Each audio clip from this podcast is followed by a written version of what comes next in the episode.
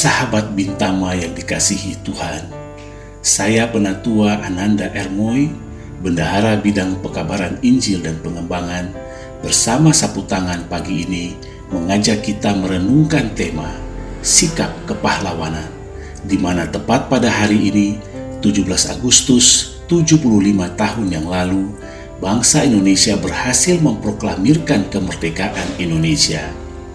Nats yang berkaitan dengan tema kita diambil dari dua Raja-Raja 5 ayat 3 yang berbunyi, Berkatalah gadis itu kepada nyonyanya, Sekiranya tuanku menghadap nabi yang di Samaria itu, maka tentulah nabi itu akan menyembuhkan dia dari penyakitnya.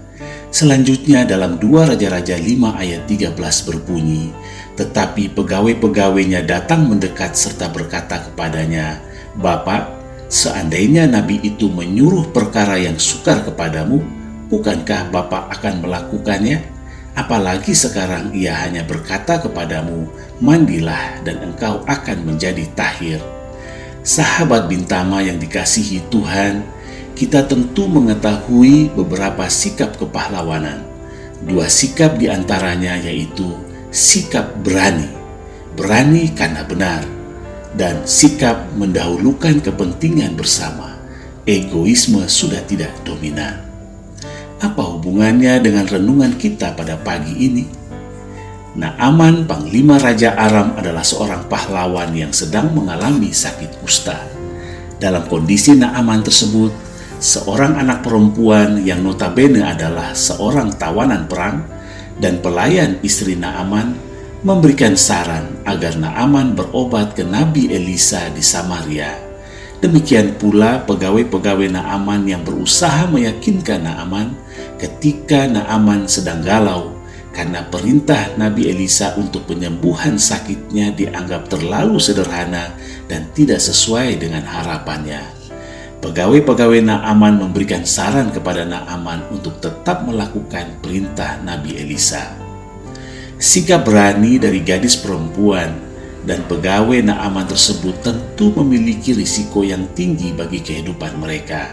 Dapat dibayangkan apa yang terjadi pada kehidupan mereka jika saran tersebut ternyata salah atau keliru dan penyakit kusta Naaman tidak sembuh, bahkan semakin parah. Namun sikap berani karena benar dengan kepedulian yang tinggi untuk kepentingan bersama yang ditunjukkan oleh gadis perempuan dan pegawai Naaman telah menghilangkan rasa takut mereka akan risiko tersebut. Itulah sikap seorang pahlawan yang patut kita teladani bersama. Itulah sikap yang juga telah dicontohkan oleh para pahlawan kemerdekaan bangsa Indonesia. Sahabat Bintama yang dikasihi Tuhan, sikap-sikap kepahlawanan di atas masih relevan hingga saat ini. Situasi bangsa kita yang sedang diliputi kekhawatiran akan semakin meningkatnya penyebaran virus COVID-19 sangat membutuhkan sikap kepahlawanan tersebut. Berani berkata benar dan mendahulukan kepentingan bersama. Untuk itulah kita dipanggil menjadi contoh bagi masyarakat di lingkungan terdekat kita tidak saja kita tertib menjalankan protokol kesehatan, tapi kita pun harus berani mengajak orang lain untuk patuh dan tidak masa bodoh terhadap protokol tersebut.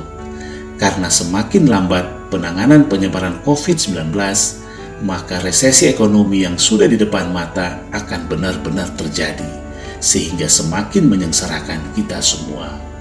Ingat, kita harus berani dan jangan berhenti memberikan contoh mengajak lingkungan kita untuk mematuhi protokol kesehatan, serta tetap membangun sikap optimisme dan kepedulian terhadap sesama dan masa depan bangsa kita. Itulah sikap kepahlawanan. Demikian renungan hari ini, kiranya Tuhan Yesus memberkati seluruh karya kita hari ini.